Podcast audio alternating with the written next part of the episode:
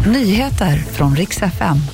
Den man som greps misstänkt för mordet på två tonårspojkar i somras greps idag på Arlanda. Och så ska det handla om den krångliga striden om JLC och guldet.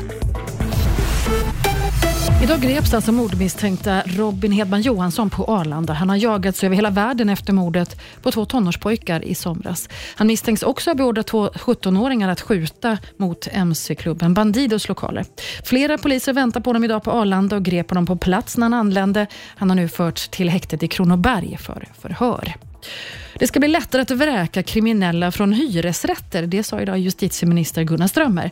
Han säger att det är utomordentligt allvarligt läge när det gäller brottsligheten i Sverige och därför måste hela samhället mobilisera.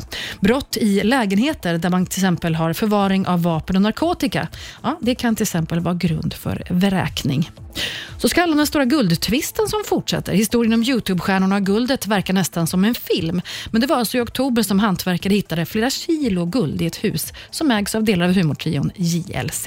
Minst fyra parter tycker nu att de har rätt till det här guldet. Husägarna JLC, dödsboet tycker att det är ett arv, hantverkarna som hittade det och även de tidigare säljarna har alltså nu lagt in krav på att guldet är deras.